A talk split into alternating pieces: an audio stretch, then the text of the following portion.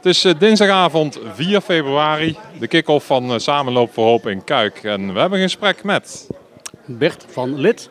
Bert. eh, je hebt een heel mooi wit shirt aan.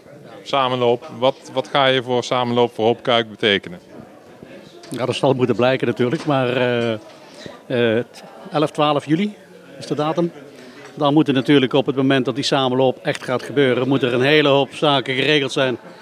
Tenten, hekken, vlaggenmasten, afvaltonnen, eh, aanvoer eh, van, van, van, van eh, plastic, van, eh, van zakken, weet ik veel wat, wat er allemaal moet gebeuren.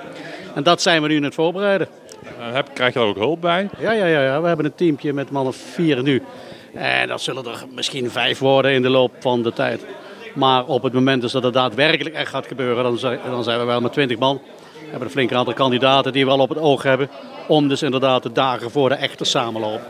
Dan moet er echt geshout worden. Dan moet er echt fysiek werk worden gedaan. En nu zijn we natuurlijk aan het voorbereiden, inventariseren. Wat hebben we nodig? Welke club heeft, eh, heeft wat nodig? Waar kunnen we dat halen? Eh, wanneer gaan we dat ophalen? Hoe laat gaan we dat ophalen?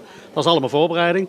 En natuurlijk in de week voor de samenloop, dan is natuurlijk uur u. En dan moet alles bij elkaar komen. En dan moet het opgebouwd worden. En natuurlijk een dag later, of de avond zelf, moet natuurlijk alles weer afgebroken worden.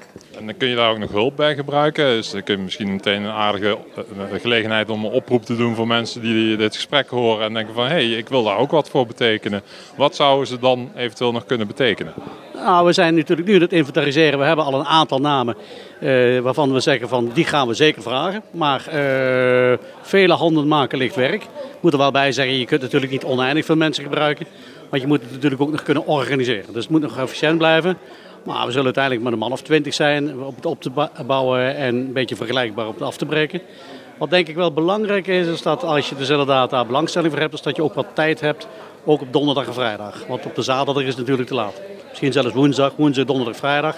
Zaterdag moet het er in principe staan. Dus ook door de week wat tijd. Dat zijn wel een paar belangrijke randvoorwaarden. Dus dat, dat, eh, Nou, perfect. Dankjewel. Succes. ja, jij ook.